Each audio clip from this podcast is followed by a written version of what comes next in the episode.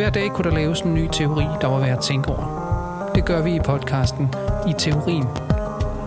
I hvert afsnit har vi samlet en teori op fra gaden eller undersøgt en tanke, der aldrig har været formuleret før.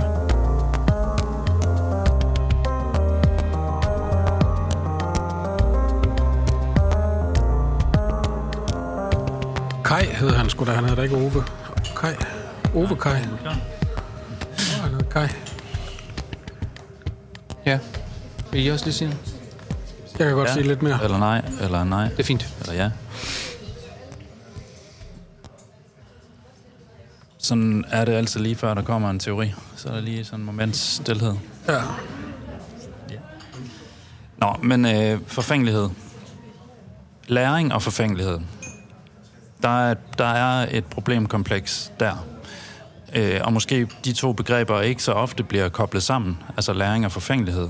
Men øh, vi har en slags intuition om, at det kan man gøre, og at det kunne have nogle frugtbare... Øh, altså, der kunne være noget frugtbart i at prøve at gøre det, og prøve at udvikle noget øh, på den bane, så at sige.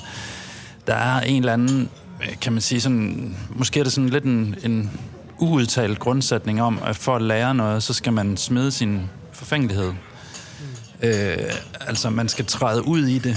Man skal ikke, øh, man kan sige, sidde og putte med det, eller ikke tro, man, man kan være med, eller hvad kan man sige, man skal ikke, man skal ikke hvile i et eller andet billede, man har af sig selv. Øh, en eller anden måde, man, man gerne vil ses på, og som man har vendet sig til, om det er sådan, jeg er. Altså, man skal smide, den, man skal smide sin forfængelighed, man skal have modet til at komme med, øh, til, til at kunne gøre nogle ting, man måske ellers ikke ville gøre.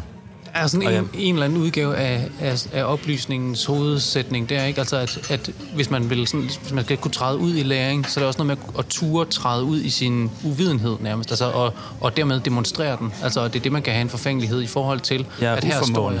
på en ja. måde også, ikke? Altså, at man træder ud i en zone, hvor man kommer til at lave alt muligt sådan lidt pinagtigt og fejlagtigt, og så må, man, så må man ligesom tage det med, ikke? Men det kræver, at man åbner sig for det og gør sig sårbar for det. Man, man stiller sig ud i en, i en sådan lidt sårbar position, når man skal lære noget. Og det, og det er så, så altså, der er den her idé om, at, at der er noget forfængelighed, der skal, der skal overvindes.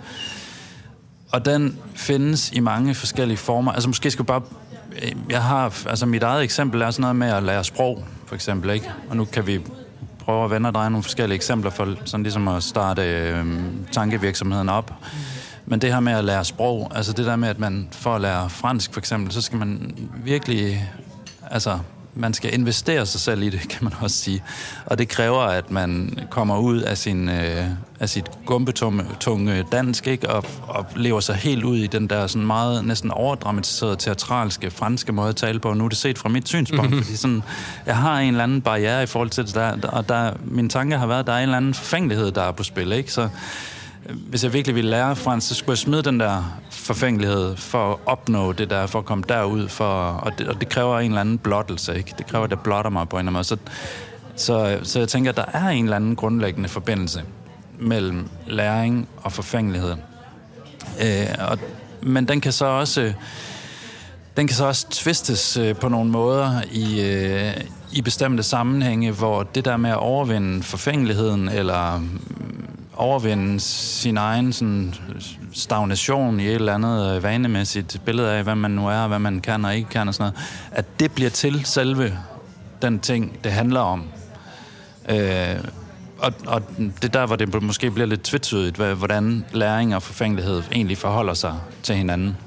Ja, fordi at så kan man pludselig komme til at lave den anden logik, for der, der er jo åbenlyst et eller andet rigtigt over det. Der er noget over det, som helt banalt er rigtigt nok, at hvis man vil lære at tale fransk, så må man også springe ud i det, og man skal øve sig, og man skal sidde på en café på et tidspunkt og forsøge at bestille på fransk, og det vil der være, der er et eller andet i en selv, man skal komme over. Det er jo bare sådan helt banalt rigtigt nok.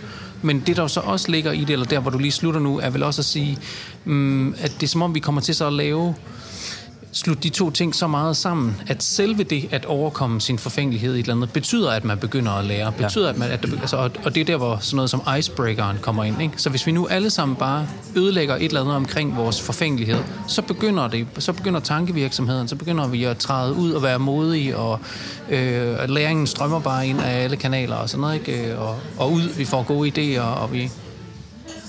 Ja, der er også en anden måde, kan man sige, hvor den her forfængelighed måske antager en anden betydning i, i andre sammenhæng. Altså, hvis, man, hvis jeg selv opsøger fransk studiet og siger, nu vil jeg gerne lære, jeg kommer her på en aftenskole eller, eller andet, jeg vil gerne lære fransk, så er der nogle ting, jeg må overvinde for at komme i gang med det og for at blive god til det.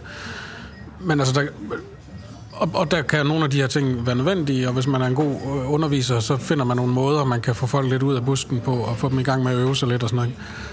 Men, men, men den der idé om at, at bryde facaden lidt ned, eller afmontere lidt den der selvhøjtidlighed, måske man kan have over for ikke at ville blot sig selv og alt det, at den kan på en måde også blive til sit eget formål i en anden forstand, at det er på en måde noget, som man kan tillade sig at gøre i alle mulige sammenhæng, hvor jeg, hvor jeg ikke selv kommer og opsøger det. Altså, ja, jeg, jeg kommer ikke her, fordi jeg tænker også på for eksempel for eksempel på filosofiuddannelsen, der er, det, der er det meget velkendt, det tror jeg næsten altid, det har været så længe jeg kan huske i hvert fald, at studerende altid fra starten har som regel faktisk en ret stor forfængelighed over for for eksempel at skrive noget, som de andre skal læse. Mm. Øh, og man vil helst ikke have nogen læser ens eksamensopgave, eller sådan, før man selv er tilstrækkeligt sikker på, at det er godt nok til, at det kan tåle at blive set, så at sige. Men det er alligevel også noget andet, at man har meldt sig ind på en filosofiuddannelse og gerne vil være god til det, og, og er usikker på, om man fremstår for naiv, eller for, for dum, eller for ubelæst, eller sådan noget. Og så det, at man i en sammenhæng, hvor man egentlig ikke selv har bedt om at, at, at være med til noget, eller lære noget, eller at blive inviteret inden for et eller andet, faktisk bliver præsenteret for alle de her opfordringer, icebreaker og, og, og invitationer, hvor man ikke rigtig kan se helt så klart i hvert fald pointen i, at, at jeg vil gerne derhen, og derfor må jeg acceptere sådan og sådan, ikke? Men er det ikke der, hvor vi bliver nødt til at lave her en lille delteori om, om icebreakers og deres øh, funktion og, og den måde, de... Øh, altså den måde, de har koloniseret øh, rigtig, rigtig mange øh, domæner og områder, arbejdspladser og skoler og institutioner osv. osv. Øh, og, og den måde, de lige præcis gør det der, som, som Henrik beskriver, nemlig kiler sig ind steder, hvor folk ikke har bedt om at komme i en lærende position, ja. eller komme i position af, at nu, nu smider vi lige øh, vores forfængelighed, eller nu, nu går vi lige ned på et, et øh, noviceplan her, hvor vi alle sammen kan være med, eller hvor vi alle sammen åbner os op, fordi det er åbenbart ja, opportunt, eller det, det påstås at have nogle, nogle gavnlige effekter. Og det er jo også en slags forestilling om, at, at den is, der skal brydes, på en måde er én ting, og den er det samme for alle. Altså, at øh, der er jo firmaer, der er specialiseret i det der, som bare tager ud og laver øh, icebreakers, eller vanebrud, eller altså, som, som, øh, det, det er det, de kan, ikke? Øhm, og, og på en måde som om, at, ja, at det er et slags universelt. Vi har alle sammen den samme type af, af grå, kedelig is, der er vokset op omkring os, og den skal vi have brudt for at få lidt gang i øh, tænkningen og benene og kroppen og sådan noget. Øh, og at, øh, at det på en måde ikke rigtig kan forholde sig til, hvad det er, den øh, is egentlig øh, barrikaderer, eller hvad det er for en barriere, der er sat op øh, der imellem de der forskellige ting. Og det tror jeg faktisk er, er et væsentligt nok sted at starte. Altså man forestiller sig en slags universel hæmning næsten, og den universelle hæmning er i forhold til ens forfængelighed. Mm. Ja, og, og, og så kan man sige på en måde fair nok måske, at der er nogen, der har professionaliseret sig og er gode til at komme ud og sætte lidt gang i festen og, og, og så videre. Men altså, den der kolonisering, som, som Brian snakker om, den handler jo på en måde også om, at det, det næsten er blevet en, en som det var sådan en fin øh, beskrivelse der universel hæmning. Det er på en måde blevet, blevet en form for universel øh, dogme næsten, ikke? At, at, at vi skal have brudt isen, og, og vi, skal, vi, skal, vi skal ud over os selv, og vi skal i kontakt, og vi skal prøve noget nyt, og vi skal være åbne, og vi skal, vi skal gøre alle mulige ting, for, men ikke længere for at lære fransk, eller for at, at blive gode til et eller andet, eller fordybe os i noget, men simpelthen fordi det er det, vi skal. Altså, ja. at der er jo alle mulige måder, hvor det viser sig på, ikke? At, at man kunne sige, at kommunikationen er blevet sit eget formål nærmest. Ikke? Altså, hvis man er på et univers- Jeg har sådan en historie om, at jeg på, på mit eget institut øh, på universitetet simpelthen blev, blev udkommanderet til at være med i sådan en, en lille gruppe af, af udvalgte forskere, der skulle lære, hvordan man brugte LinkedIn Altså, og det var en del af, af promoveringen, og der, der var nogle konsulenter, netop sådan nogle professionelle folk, ikke, der var hyret til at hjælpe os med, hvordan vi fik sat den profil op, og hvordan man lavede et godt opslag, og, og det kunne de jo de kunne bevise, altså de kunne måle på, hvor mange ting og delinger og alt muligt, der skulle til, for at, at sandsynligheden steg så og så meget for, at Aalborg Universitet kom i kontakt med de rigtige mennesker til det og det formål og sådan noget. Ikke? Altså, men altså, det var i den grad, ikke kun for mig, men altså i høj grad for mig i hvert fald, noget jeg virkelig ikke havde bedt om at få, altså, at få brudt isen jo. i forhold til. Jeg har tænkt på det nogle gange, når jeg har set sådan nogle dagsordner til personaledage og kurser og den slags, så kan der godt stå sådan på anden dagen, så står der, at vi starter med en icebreaker her klokken, altså fra 10 til kvart over 10. Og det er jo egentlig interessant, at man ved, at der har vi brug for at få brugt til isen simpelthen. Og der ja, det har vi så ordnet på de der 15 minutter. Ja, ja, selvfølgelig. Ja. ja, men der findes jo tal, jeg er sikker på, at vi alle sammen har altså, utrærede eksempler på. Forleden var jeg på et eller andet seminar, hvor der også var en, en såkaldt pulssnack, som var sådan et lille mellemrum, hvor man så skulle op og, og danse fordi alle ved, det, det er godt at få pulsen op, og øh, man lige løsner lidt op og sådan noget, så er man klar til at gå videre. Så igen, den der, den der skal, der lige skal kastes af kroppen, ikke? eller isen, der lige skal brydes, eller et eller andet, der er stagneret, som lige skal gennemprikkes på en eller anden måde. Ikke? Og det er sådan en, jamen det er den der tanke om, at der er bare, sådan er vi bare som mennesker på en, vi er sådan lidt lukkede og sådan lidt, lidt for os selv på en eller anden. Nu skal vi ind i det her fællesskab, og nu skal vi smide de der, den der forfængelighed og de der hæmninger og sådan noget. Så vil det vise sig, at der sker alle mulige gode ting, og der bliver åbnet op for de flydende processer og tanker og sådan noget. Og der, og der er bare et eller andet sådan der er en eller anden grundscene i det her på en eller anden måde i, i vores kultur lige pt. Fordi på den ene side så så er du i de her sammenhænge, og du er det, fordi det er dit arbejde, eller hvad det nu er, ikke? Øhm, og så synes du måske, at du har en eller anden, du har en modstand imod det her, eller du har en forfængelighed, som vi prøver at sige her, der, som stiller sig i vejen.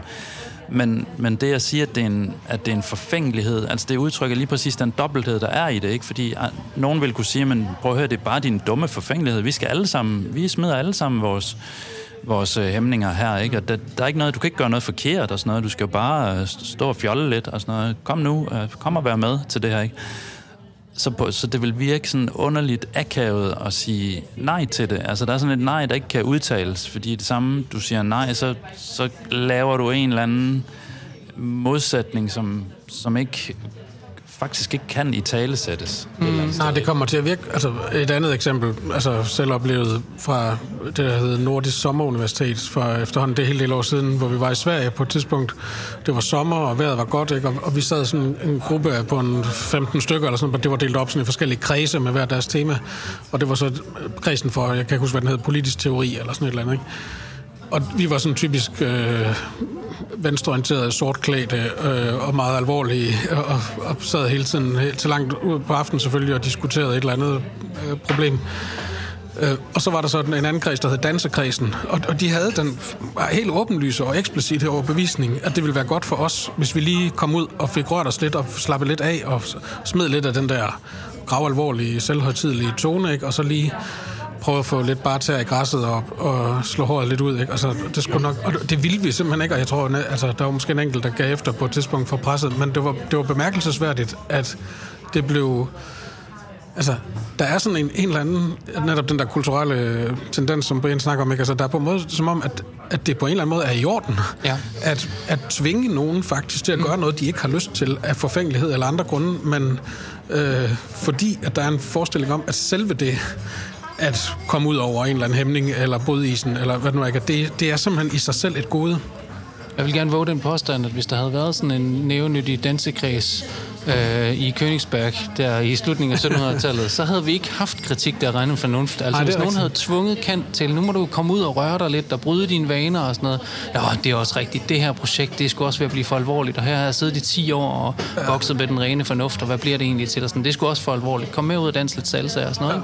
Ja. Så, så havde vi haft en eller anden uh, vattet uh, udgave af, af, af Kant, som ikke havde... Altså, det, det er sgu den kedsomhed, som, som man kan sige, det er jo det, man forsøger, det er det, man forestiller sig, man bryder med der. Man bryder med den kedsommelighed, som du som sådan en eller anden universitetsmand, sortklædt, øh, altid bare sidder der med dine bøger og sådan noget. Nu må du komme ud af kontoret og få lidt, øh, lidt ilt til... Ja, derfor er der også et andet spørgsmål, der knytter sig til det her med forfængeligheden, ikke? At modstanden, eller modsætningen til den her forfængelighed, det er på en måde, og det der ligger i det her krav, det er på en måde krav om en form for ironi. Mm. Altså, du skal ikke tage dig selv for alvorligt. Du skal ikke, du skal ikke blive for højtidelig omkring det, du beskæftiger dig med. Du skal også kunne se det lidt fra den afslappede side, eller fra den mundre side, og se, hvordan det, du laver, selvfølgelig måske nok er vigtigt, men, men heller ikke mere vigtigt, end at, at der er andre ting i livet, der også har ja. betydning, og så videre, så videre. Ikke? Og Ja, man kunne vel ikke forestille sig den modsatte intervention. Altså, at den sortklædte kreds var gået ind i dansekredsen og havde sagt, Nej. Må I simpelthen sætte jer ned? Nu ja, stopper I. Nu, nu, nu må I sætte jer ned, og her er nogle bøger. Vi her er kritik af den rene fornuft. Prøv lige at læse uh, paragraf 16, altså ja. nogle gange, og så kommer jeg tilbage om et par timer, og så kan vi se, ja. om I har fået løsnet nogle af jeres hæmninger. ja, og, ja, så eller der fået nogle nye, måske i bedste fald. Og der er jo et eller andet kompleks der, som, som er sådan en eller anden konstellation af noget med kroppen, og noget med altså, den der tætte kobling mellem læring og, og, og slippe ud af sit lille hylster, eller sin, sin vante rutiner og sin forfængelighed på en eller anden måde.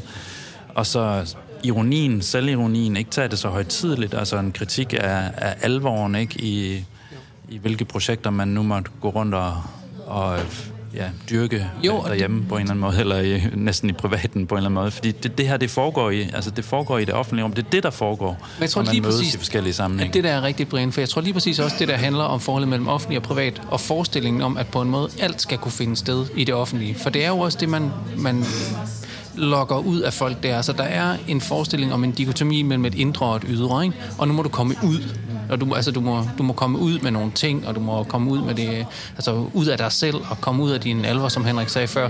Øh, men på en eller anden måde er det jo også ideen om, at alt kan tænkes offentligt og kan gøres offentligt, kan bruges offentligt til at starte med, at den, og den, den private sfære, hvad end, altså ligegyldigt hvad for nogle hæmninger, der skal skabe den private sfære, murene omkring det private hjem er jo hæmninger, altså på en eller anden ret konkret måde. Ikke? Øh, murene omkring tænkningsrummet er hæmninger, og murene omkring analysen er de hæmninger, der skal til for, at man kan tale der.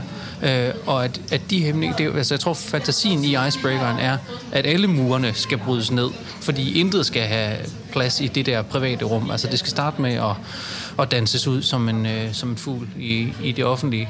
Ja, og en måde at fortsætte det på, og på en måde også fortsætte det mit eget eksempel fra før, ikke? Det, det er på en måde at sige, at, at det, der så sker, det er, at ironien på en måde bliver til den nye alvor, eller det bliver til sin egen alvor på en måde. Ikke? Man kan sige, det, det eneste, vi ikke skal være ironiske omkring, det er, at vi skal have brudt de her mure ned, og at vi ja. skal være med, og vi skal være åbne, og vi skal være konstruktive, og vi skal være kreative, og vi skal være alle de der ting. Ikke? Altså, altså mit eksempel der med LinkedIn før, altså hvis, jeg tror nok, jeg prøvede det lidt af, men igen med, med sådan på en eller anden måde fornemmelse af, at der, man, der er grænser for, hvor langt man skal gå. Ikke? Altså man, man, man, skal ikke være så, man skal ikke være ironisk omkring selve den her mm. øh, ironiske kontakt, øh, åbenhed, øh, øh, den måde at, at være udadvendt øh, øh, og, og skabe forbindelser til andre osv. Altså, man skal ikke begynde at lave sådan en eller anden øh, et opslag på LinkedIn, så der så hedder et eller andet med, at øh, jeg kunne godt tænke mig at kon- komme i kontakt med nogen, der også er interesseret i, øh, hvor mange øh, katte, der bliver øh, hvad ved jeg, amputeret, får amputeret deres ben, og for at finde ud af, hvordan man kan øh, lave kampe, hvor de kæmper imod hinanden. Eller, eller. Jeg prøvede virkelig at konstruere et upassende eksempel. Men, altså, men, men, men det, skal, det skal den der ironi ikke bruges til. Der, bliver, der bliver den selv for alvorlig. Altså, men der tror jeg også, at vi skal lige blive lidt i den der, altså hvad, hvad mener vi med, at der er et eller andet øh, element af selvironi over det her, eller ironi over det? Altså jeg tror, Jamen det, det handler om, det er den der sætning om ikke at tage sig selv så højtidligt i første omgang. Ikke? Altså der, der er i hvert fald en eller anden... Det gælder ikke i, nødvendigvis i alle sammenhænge, men det gælder i mange sammenhænge, hvor icebreakers bliver brugt, eller det gælder, det tror jeg, det gælder de fleste sammenhænge. Vi skal ikke tage det så højtidligt. Nu skal vi ud og lege, lege æg og dinosaurer, eller hvad det nu er. En eller anden øh, fjollet leje, så vi kommer lidt tættere på hinanden og smider de der facader der, eller smider de der hæmninger. Øhm, men, men Ja, så er der en eller anden overgang til, hvordan bruger man det sådan lidt mere... Øhm, altså, hvordan bruger man det, og, og ikke at tage det så højtidligt ind i sådan lidt mere professionelle sammenhæng på en eller anden måde. Fordi der er noget overvindelse, der skal til for for eksempel at lære at begå sig på, på LinkedIn eller på forskellige af de der medier, hvor, hvor det åbenlyst føles som nogle gange sådan lidt et, altså det føles som et overgreb, eller det føles som det er forkert i forhold til, man har, altså man har vidderligt en forfængelighed i forhold til, det er ikke mig, der skriver den slags i, på de der medier. Det er ikke mig, der udstiller mig selv på den måde, eller og hvis man kender lidt til LinkedIn, jamen, så er det jo sådan en... Altså, det er alt, hvad der bliver skrevet derinde, handler om ens karriere på en eller anden måde, ikke? Øh, så man skriver om alle mulige spændende og, hvad kan man sige, for så vidt interessante ting, forskningsprojekter eller andre projekter, arbejdsrelaterede projekter, virksomhedseventyr, sådan. Det, det hele tiden med den der, det ligger i baggrunden, at det her, det handler om, om, om en eller anden form for karriere, eller man skal sælge en vare, eller sådan noget, ikke? Og, og, øh, og der kan budskabet være, hvis man skal ind i det der, og man sidder og er lidt tilbagetrukket og tænker, det der, det handler, det er jo det er ikke det, livet handler om. Altså, det er ikke det, min forskning går ud på, eller det er ikke det, mit livsprojekt er. Altså, så skal man bare, okay, men ikke tage det så højtidligt. Altså, du, du er nødt til lige at komme i gang. Vi leger lige lidt med det her. Kunne man lige lave sådan et opslag, eller kunne man, vi kunne også lege lidt med den her form, eller du kunne skrive det på den her lidt sjove måde, eller du kunne... Altså, der er en eller anden sådan... Øh, liminalitetszone, sådan en, en grænse, et grænseland, man går ind i, hvor man lige i udgangspunktet eller i starten begynder måske at, at blive inviteret til at lege lidt med det.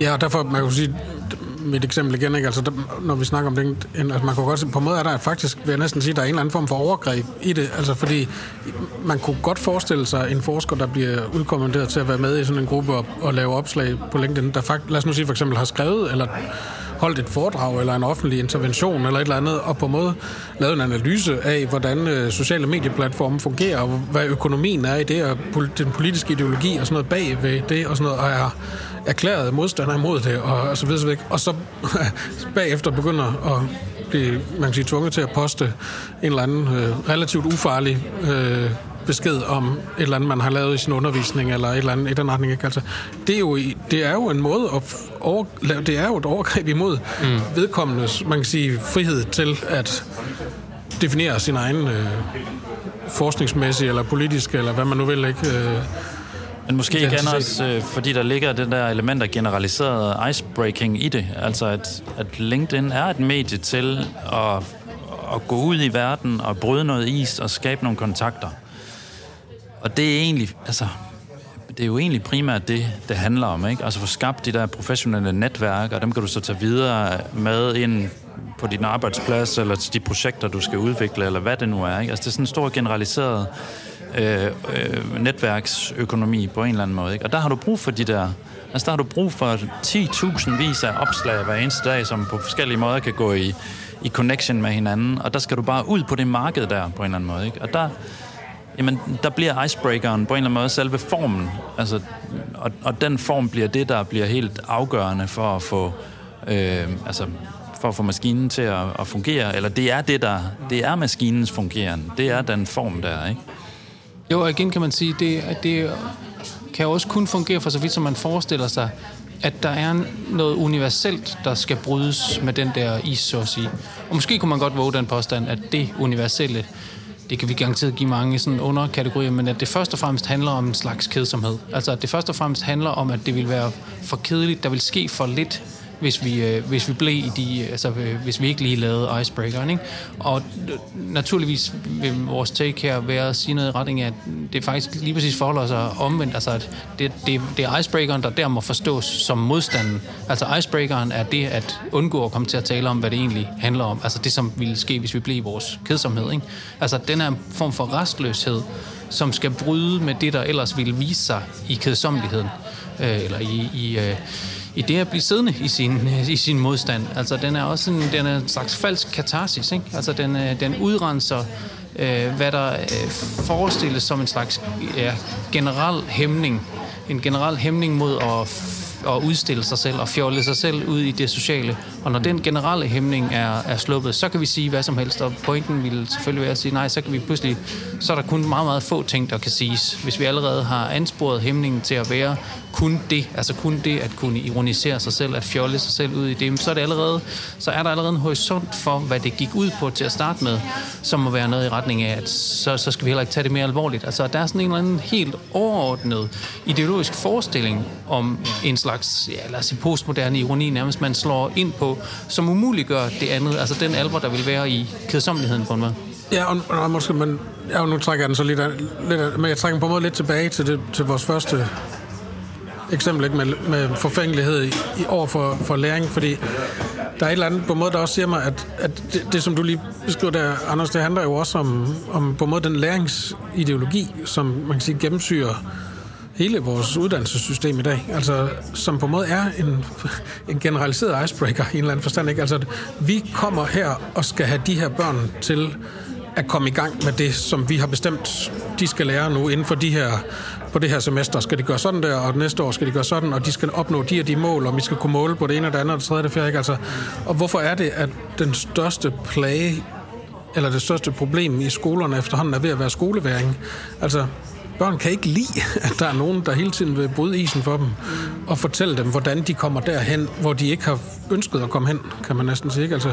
Men jeg tror også, det er lige præcis, der ligger et eller andet kæmpe stort ideologisk kompleks der. En uddannelsestænker som Gert Bies, der har jo for eksempel undersøgt det der skældner mellem læring og undervisning, for eksempel, ikke? hvor man siger, jamen læringsregimet, det opstår jo med OECD, og det opstår med Bologna, og alle de der sådan meget konkurrencepræget forståelse af, hvad vi skal med vores uddannelser. Og der kan man sige, vi skal ikke nødvendigvis øh, noget bestemt med, med de klassiske fag, fordi de forbliver for stivnet og for låste i, deres, sådan, i det, der opfattes som deres ideologiske låsninger på øh, bestemte øh, centrale øh, forskningsfelter eller spørgsmål, der undersøges.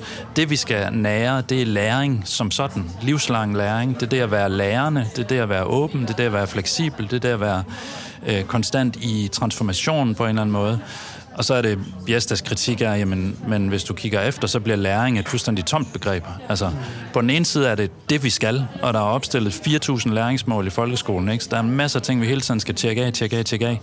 Men det overordnede formål er på en måde øh, forsvundet, eller Øh, du skal ikke lære et håndværk, du skal være, lære at være lønarbejder, ikke? Altså det, det, jo, men du skal også lære at være lærende. Altså det er virkelig jo, jo. en central kompetence i sådan en, også sådan en OECD-tankegang, at, at det, det handler om det der begreb livslang læring, ikke? Mm. At du skal blive ved med at, at kunne finde nye øh, måder at være lærende på, sådan så du jo. kan altså optimere din, din øh, økonomiske kapacitet på en eller anden måde. Du kan bidrage til økonomien, som hele tiden vil... Fordi man, er, man har også accepteret, at vi, vi lever i en en situation, hvor, hvor alting hele tiden forandrer sig på en eller anden måde. Så der er ikke de der sådan, stabile, faste ideologiske rammer mere andet end kapitalen og kapitalens cirkulation, så at sige. For, for på en eller anden måde at kunne, kunne leve op til det, så skal vi være øh, lærende konstant. Og, og Bjestas kritik er, at det bliver et tomt begreb, ikke? Altså fordi hvis vi taler undervisning, så handler det om, at nogen peger i bestemte retninger, med eller for andre, sammen med andre, og at man kan blive taget i skole af nogen.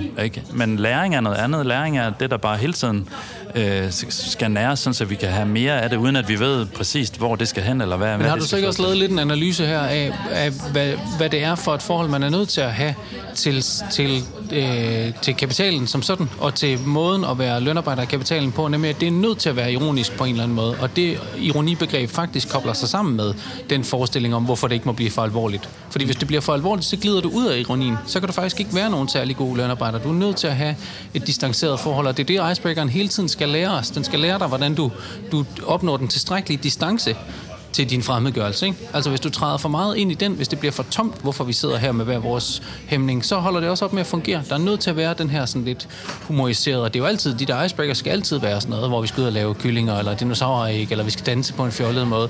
Og hvis du faktisk tog det drøn alvorligt, så ville det også så ville det holde fuldstændig op med at virke. Altså så ville det netop være helt skørt, hvorfor vi voksne mennesker, jeg der til at tænke på det en gang for mange, mange år siden, der var der sådan en, øh, en sådan slags konference på filosofi på Aarhus Universitet, hvor to af vores undervisere på det tidspunkt, øh, Uffe Jul Jensen, professoren, og så en øh, øh mere, øh, hvad hedder det øh, adjunkt, jeg kan huske, hvad han havde, Henning Høgh Laversen hedder en af mine undervisere, øh, de var, temaet var demokrati, og de var virkelig blevet uenige. Altså, og det var sådan, at det var ved at blive ubehageligt i rummet, ikke? og jeg kan ikke huske helt præcis, hvad deres uenighed handler om, men det havde helt andet at gøre med demokrati, og altså med politik.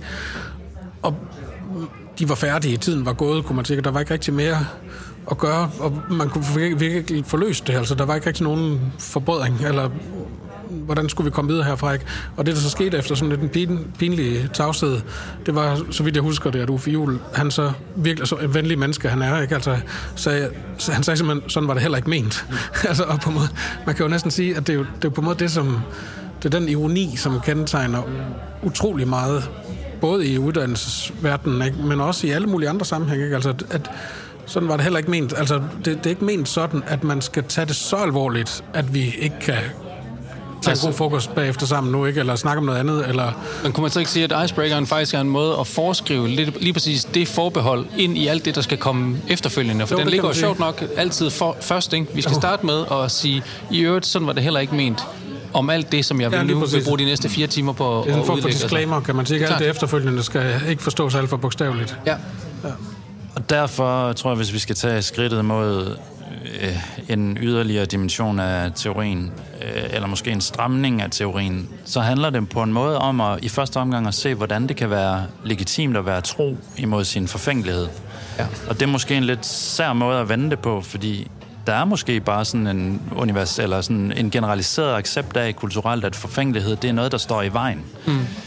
Øh, og dertil kan jo også føjes alt muligt andet, der handler om forfængelighed og sociale medier. Alt muligt. Altså forfængelighed er ikke, er ikke en, en dyd, selvom mange sådan, kulturkritikere også vil sige, at vi lever i en meget forfængelig og narcissistisk og overfladisk tid og sådan noget. Så der er et eller andet, der er et eller andet med det, men, men det kunne være interessant at sige, at der kunne være et forhold mellem læring og forfængelighed, hvor det faktisk er i orden, og, eller hvor det i udgangspunktet vil være interessant at undersøge, hvorfor jeg er forfængelig i forhold til ikke at vil være med i den her icebreaker-leg, eller men egentlig også i forhold til, til andre typer af læring, som for så vidt kan være fornuftige nok. Altså, hvorfor er det, jeg er forfængelig i forhold til at ville lære fransk? Altså, jeg, vil, jeg, jeg har en, der er den dobbelthed i mig, at jeg egentlig gerne vil, vil skulle gerne kunne tale flydende fransk. Men jeg er åbenbart forfængelig. Jeg er for forfængelig i forhold til det. Til at kunne det, til for alvor at investere mig i det. det og hvad betyder det? Ja, det er da interessant, men det er bare ikke en pointe eller noget, man kan undersøge i kan man sige, det, det herskende kulturelle klima, fordi alle vil sige, prøv at høre, du har jo bare brug for, prøv, du skal bare lige løsne lidt op og komme nu, og vi har nogle icebreakers, eller der er det her kursus, som fungerer på en lidt anden måde, så der kan du måske komme videre men jeg kunne godt tænke mig at blive i at sige, hvorfor er det interessant, at der er forfængelig over for det, og hvordan kan det være interessant, at nogen er forfængelige så øh, på en lidt mere generel bane over for hele den her læringskultur, der hersker, ikke? hvor det handler om hele tiden at være livslang øh, lærende og og, og komme ud af sig selv og komme videre og se nye øh, sider af, hvordan man også kunne, øh, kunne øh, hvad kan man sige, øh, øh udføre sin øh, sin funktion som lønarbejder, som du var inde på, Anders. Altså, men, men der er et eller andet, jeg bliver det der med, hvordan kan man være tro imod sin forfængelighed? Men det er et godt, jeg synes, det er et godt spørgsmål. Og for det første, vi vi må kunne konkludere, at der givetvis derfor må være forskel på forfængeligheder. Altså, ja, der må det. være gode og dårlige forfængeligheder på en eller anden måde. For selvfølgelig er der de dårlige.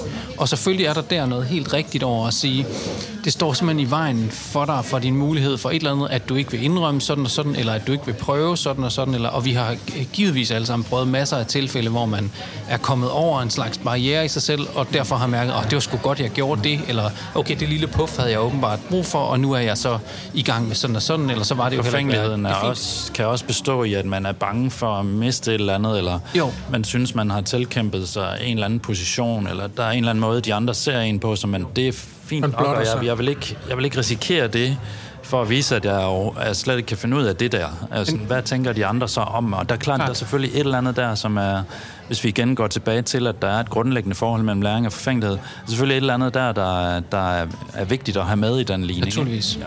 Men forfængelighed må givetvis også basere sig på den figur, som er sådan en slags øh, triadisk figur. Altså der er, øh, der er subjektet, som er forfængeligt på en eller anden måde, og så er der et objekt over for hvilket man kan være forfængeligt, typisk den anden, øh, og så er der et blik, et impliceret blik, og jeg tror måske det, som vi nu er på vej til at undersøge, handler nærmest om det blik, som altså kan være godt og skidt på en måde. Altså et blik, inden for hvilket det naturligvis kan være, som vi lige beskrev før, ikke? At, at, at det bare er et problem, at jeg ikke lige kommer over det her. Altså jeg forestiller mig en eller anden domsfældelse, som ikke er særlig produktiv eller frugtbar eller sådan i den andens blik her. Jeg må hellere lade være med at sige noget som helst, fordi jeg risikerer at komme til at dumme mig. Ikke? Øhm, men at der måske faktisk også, og det er jo også, tror jeg ligger lidt i dit spørgsmål her, øh, at, at der faktisk også kan forestilles at være en, en forfængelighed, som egentlig, altså som er værd at være tro mod, mm. hvor det har at gøre med noget andet end bare noget, jeg lige må komme over, for igen måske næsten at forflade i der, hvor det ellers ville ende, men at der faktisk i i den troskab også kan være en troskab mod noget, som ikke bare glider ind i ideologiens ironi, så at sige, men som faktisk ja. siger, nej, prøv lige at høre, der er et eller andet her, jeg er alvorlig i forhold til, og det betyder, at lige nu gider jeg ikke at danse min fugl ud, fordi der er faktisk ikke noget ved det her spørgsmål, vi skal blive i. Der er noget her, som jeg rent faktisk mener. eller at jeg står her og øh, til den her begravelse, og jeg er rørt. Jeg gider ikke at jeg gider ikke at fjolle det ud nu. Jeg vil stå her og være i den sorg, for eksempel, eller øh, i alle mulige andre typer af alvor, som ikke skal ironiseres, eller som ikke skal... Øh, jeg skal ikke have brugt isen lige nu. Den, jeg skal skøjte hen over den is, for den kan bringe mig fra det ene kontinent til den anden. Og hvis vi hele tiden skal slå hul i den is, så ligger vi bare plask rundt i det samme vand, ikke? Mm. Jeg har et, sådan et lille eksempel. Det, det er lidt et andet, et andet sted, men, men i forlængelse af det, du sagde med den her triade, jeg kom til at tænke på... Øh, jeg arbejdede ude ved Arlesøen i Kazakhstan i mange år, og, og øh, vi var derude i længere tid, sådan en række frivillige fra Danmark og sådan noget, der var med til at sætte noget i gang i fiskeriet og sådan noget. Og, og vi fik en masse kontakter og venner og så videre, og, og kolleger, kunne man sige. Der, og, og, ofte var vi sådan på besøg i deres hjem. Altså, så blev man siddet hjem og fik noget, holdt måske en fest, eller fik bare noget te, eller forskelligt. Og der var en af vores rigtig gode kolleger, som vi sådan spurgte på, hvorfor har du egentlig aldrig inviteret os hjem? Så, og, og så, vi vil gerne se, hvordan du bor. Altså, så sagde hun sådan, men, jamen det er fordi, at jeg har simpelthen ikke tid til at gøre det ordentligt, altså gøre det pænt, og sådan at øh, jeg kan invitere gæster. Og, men vi kender jo hinanden, altså du, du skal da ikke, øh, altså du skal ikke lige forfængelig, men altså du skal da ikke, øh, det, det betyder da ingenting for os. Altså det kan jo være fuldstændig rodet til og sådan noget, det, det er da totalt ligegyldigt. Vi vil bare gerne sidde og snakke og hygge os og sådan noget. Jamen, det er da slet ikke det, det handler om. Det er da ikke, for jer. Det er da ikke fordi, jeg skammer mig over for jer. Det er fordi, hvis andre får at vide, at, vi, at jeg har inviteret de der gæ- fine gæster hjem på et tidspunkt, hvor jeg, det var totalt rodet, og, og jeg ikke havde fået tid til at lave ordentlig mad og sådan noget, det, det vil jo betyde, at, at, at jeg fuldstændig forbrød mig mod vores øh, måder i det hele taget at tage imod fremmede på i, i, i vores by, simpelthen. Ikke? Altså, og det, det er selvfølgelig stadigvæk en form for, man kan sige, en variation af forfængelighed, som ikke er helt, at, at, hvor vi ikke er helt oppe på sådan en abstrakt idé med alvoren i forhold til de store idéer og sådan noget, men den har alligevel lidt af det der med, der er noget, der er alvorligt i det her, som, vi ikke, som det ikke er nok, at vi er enige om. Mm. Og det skide billede. Ja. Og hvis, hvis man lige kan blive lidt i den der, fordi det jeg så tænker på, når du fortæller den historie, det handler om det der med forfængelighed og, og relationen til at tabe ansigt. Ja.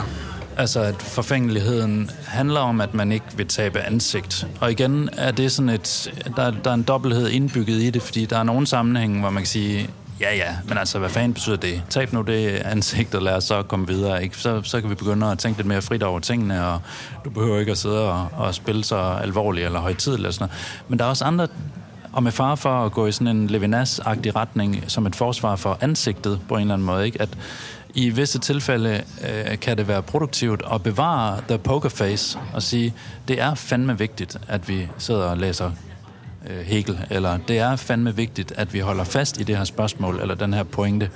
Og vi skal ikke til at tage ansigt nu og bryde isen ned og sådan noget. Vi skal blive på det niveau, hvor der rent faktisk er en distance mellem på en måde det, det vi, ja man kan sige vores ansigt, og så er der et eller andet, som vi ikke helt kan formulere endnu, men som er sindssygt alvorligt, og som er vigtigt, og som ikke skal, som ikke skal bringes ind i en eller anden øh, postmoderne læringslogik, hvor vi bare hele tiden lige øh, udfordrer os selv lidt, og, og bliver lidt men det en lille smule smartere, en lille smule mere fleksibel. Ja. Det handler om, den, om ansigtets stivhed på en eller anden måde, ikke?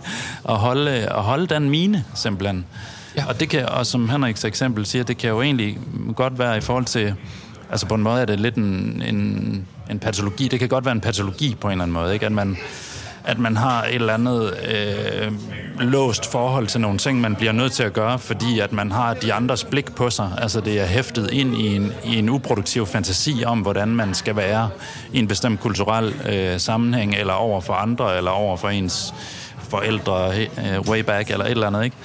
Men fantasien, altså den øh, grundlæggende låsning af, hvordan man tænker, man opretholder sit ansigt, kan faktisk også være produktiv. Altså den, den kan på visse, på visse niveauer faktisk være produktiv at holde fast i, og er måske den eneste vej, hvor, hvor igennem man kan bryde nyt land på en eller anden måde. Ikke? Præcis. Jeg vil sgu godt lave et forsvar for ansigtet der på en eller anden måde, og det tror jeg, du har helt ret i. Altså at sige, at, at hvis man forestiller sig, at den Altså at ansigtet altid skal gøres til en maske, og at det har at gøre med falskhed, som, som står lige direkte modsat ægthed, eller autenticitet, eller hvad vi nu skal sige, sandhed måske endda, øh, sådan under ansigtet, jamen så, så gør man sig jo også den forestilling, at der på en måde allerede ligger et, et sandt noget der under ansigtet. Og der er jo en nødvendighed af ansigtet, nemlig også, at det er det, der taler. altså, øh, ellers så, så falder talen også bort, og det er jo også det, der bliver ved med at blive slået i stykker med den der icebreaker, facebreaker, eller hvad det så øh, er. Jeg ved ikke, hvad vi Facebook kalde icebreaker. Ja, ja, okay.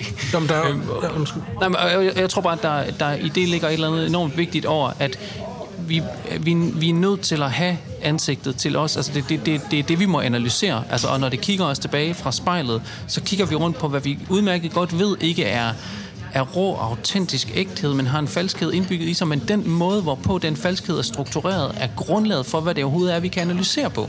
Altså, og, og hvis vi skal ville tænke noget som helst, så er vi nødt til at tænke med et ansigt. Altså, det, Jeg kommer, altså, kan man ikke også sige, det er på en måde også, det, det, er, den, det, er, den, det er den positive version af Pascals øh, gamle diktum, det der ikke må, hvordan lærer jeg at tro. Altså, jeg går ind i kirken, og jeg knæler foran alderet, og jeg folder hænderne og fremsiger en bøn, ikke? og jeg har gjort det tilstrækkeligt mange gange, så lærer jeg at tro. Ja. Og det bruger øh, Althusser til at sige, hvad ideologi er, ikke? og hvordan man bliver styret af en eller anden forestilling om den store anden, øh, eller hvad han nu vil kalde det. Jo.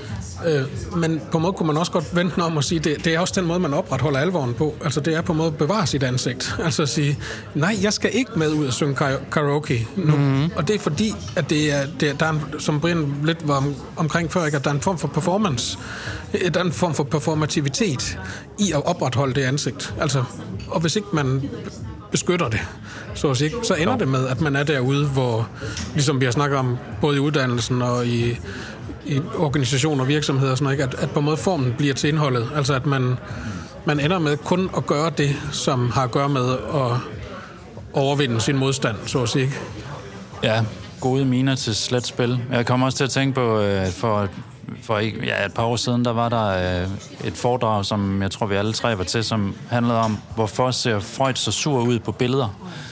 Øh, og, altså, oplægget var sådan, altså det havde sådan et, et humoristisk anslag i det. Det er et meget, et meget øh, fint spørgsmål. Sådan, man har bemærket, eller vedkommende havde bemærket, at alle de billeder, der findes af Freud, der ser han sådan en lille smule øh, på en måde lidt sammenbidt ud, eller i hvert fald han ser alvorlig ud. Øh, og oplægsholderens pointe var så noget i stil med, at det var iscenesat, og man havde prøvet at gøre ham. Nogen havde iscenesat. Det var nazisterne, der Det stod var, nas- bag. det var nazisterne, der havde lavet en eller anden... Sådan så, Han er helt- Nej, men, men han antydede, at det var, det var den læsning, man kunne lave, fordi Freud var jøde, og så skulle mm. ligesom udstille, at, at han var en farlig person og sådan noget. Ikke? Så, øh, så det kunne bruges som øh, nazistisk øh, propaganda. Men, men fra salen til det foredrag rejste der sig en fuldstændig anderledes læsning, der, der hed, at jamen, Freud ser værdig ud. Altså, det er et spørgsmål om værdighed på en eller anden måde. Ikke? Det er et spørgsmål om, at, at på en måde, hvis man er faderen til en ny videnskabelig øh, eller filosofisk retning, opfindelse, så ser man sådan der ud. Altså, så, så står man ikke, øh, hvad ved jeg, jeg, jeg ved, jeg kan ikke forestille mig et andet billede af Freud, vel, fordi nu er det det, man har, men, men så er det ikke et eller andet slapstick med en lavkage i ansigtet eller et eller andet, så, så er det sådan der, man ser ud. man kan også sige, at Det er en stiv mine. Ja, det er det, ikke? jo. Det er ikke et ansigt, der er faldet, og vi ser, hvor hyggeligt og, og fint det er, og hvor, hvor lærende og åben Freud er. Freud har været 100% stålsat på at gennemføre det projekt. Og han har været 100% åben også i sin undersøgelse af det, der er foregået, men det er på baggrund af en fuldstændig stålsathed. Du, du kommer ikke nogen vejen, hvis ikke du har den øh, på en måde kedelige stålsathed, og den, den ans, det ansigt, der siger, det, det, det er den vej, vi går, ikke? Og det, men der er også den historiske øh, pointe nærmest i det, at, at det der idioti med altid at måtte smile på billeder, det er altså ikke, sådan har det ikke altid været. Det er altså en moderne opfindelse. Og det, det imperativ er jo icebreakeren i visuel form, når man siger til nogen smil, når man tager et billede af dem. Altså, Hvorfor i alverden skulle jeg det? Vi sidder lige her og har en alvorlig samtale, så hvorfor skal vi nu alle sammen se sådan overstadigt lykkelige ud? Øh, Facebreaker. Så det er en facebreaker. Det er, ja, det er, vi er tilbage til. Ja, men lige præcis. Ja. Okay, men, men den rejse, vi har været igennem med, med den her teori om læring og forfængelighed, altså giver mig faktisk den tanke, fordi umiddelbart så tror jeg, jeg havde tænkt, at, at det der med læring og forfængelighed, det kan ligesom, der kan være måder, hvorpå at, at man ideologisk vil nedbryde forfængeligheden, og det er der, ja, det er der ikke nødvendigvis noget produktivt i, sådan som vi ser det. Mens der kan være andre felter, havde jeg umiddelbart tænkt, hvor det der med, at ens forfængelighed er nedbrudt, det giver sig af sig selv. Og jeg tror også, at, at Henrik var lidt inde på det i, den, i de pointer, vi har haft undervejs, at hvis du melder dig til og gerne vil være god til, altså hvis du skriver dig ind på en filosofiuddannelse, så har du allerede, altså så sætter du dig selv i en novice-position med vilje, så at sige, ikke? Fordi du, og du, du beder skal... på en måde næsten den anden om at bryde dit forsvar ned, kunne man ja, sige. det gør man faktisk. Ja.